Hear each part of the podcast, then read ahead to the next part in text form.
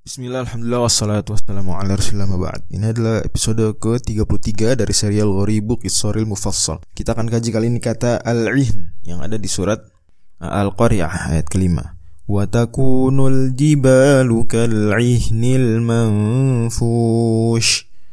Allah firmankan dan gunung-gunung pada hari kiamat Menjadi seperti bulu-bulu yang berhamburan. Bulu-bulu di sini Makna asli bahasa Arabnya adalah bulu-bulu yang bentuknya seperti wall, bulu-bulu biri-biri, bulu bulu domba itu ya. Jadi bukan bulu-bulu burung.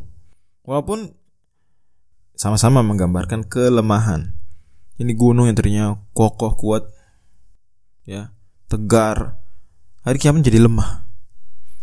Dan memang kata al-ihn uh, ini bahasa huruf ain, ha dan nun. Ya.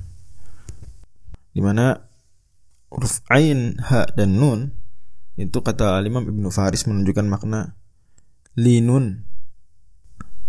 Uh, Syekh Muljal tambahkan wadha'fun. Ini kelembutan dan kelemahan. Makanya tanpa kata-kata manfus yang berhamburan sekalipun tadi kan di ayat watakunul jibalu kal ihnil manfush. Tanpa kata-kata manfus yang berhamburan, kata ihn sudah menunjukkan lemah. Ya. Lembut, Buktinya di surat Al-Ma'arij ayat 9 Allah firmankan, "Wa takunul jibalu kal'ihn." Dan gunung menjadi ihn tanpa kata manfush. Walaupun kita faham maksud ihn di situ adalah ihn yang manfush karena ini mutlak Al-Ma'arij dan di Al-Qari'ah muqayyad. Kaidah dalam usul fiqh yang tidak ada keterangan difahami dalam bingkai yang ada keterangan. Itu pada dasarnya.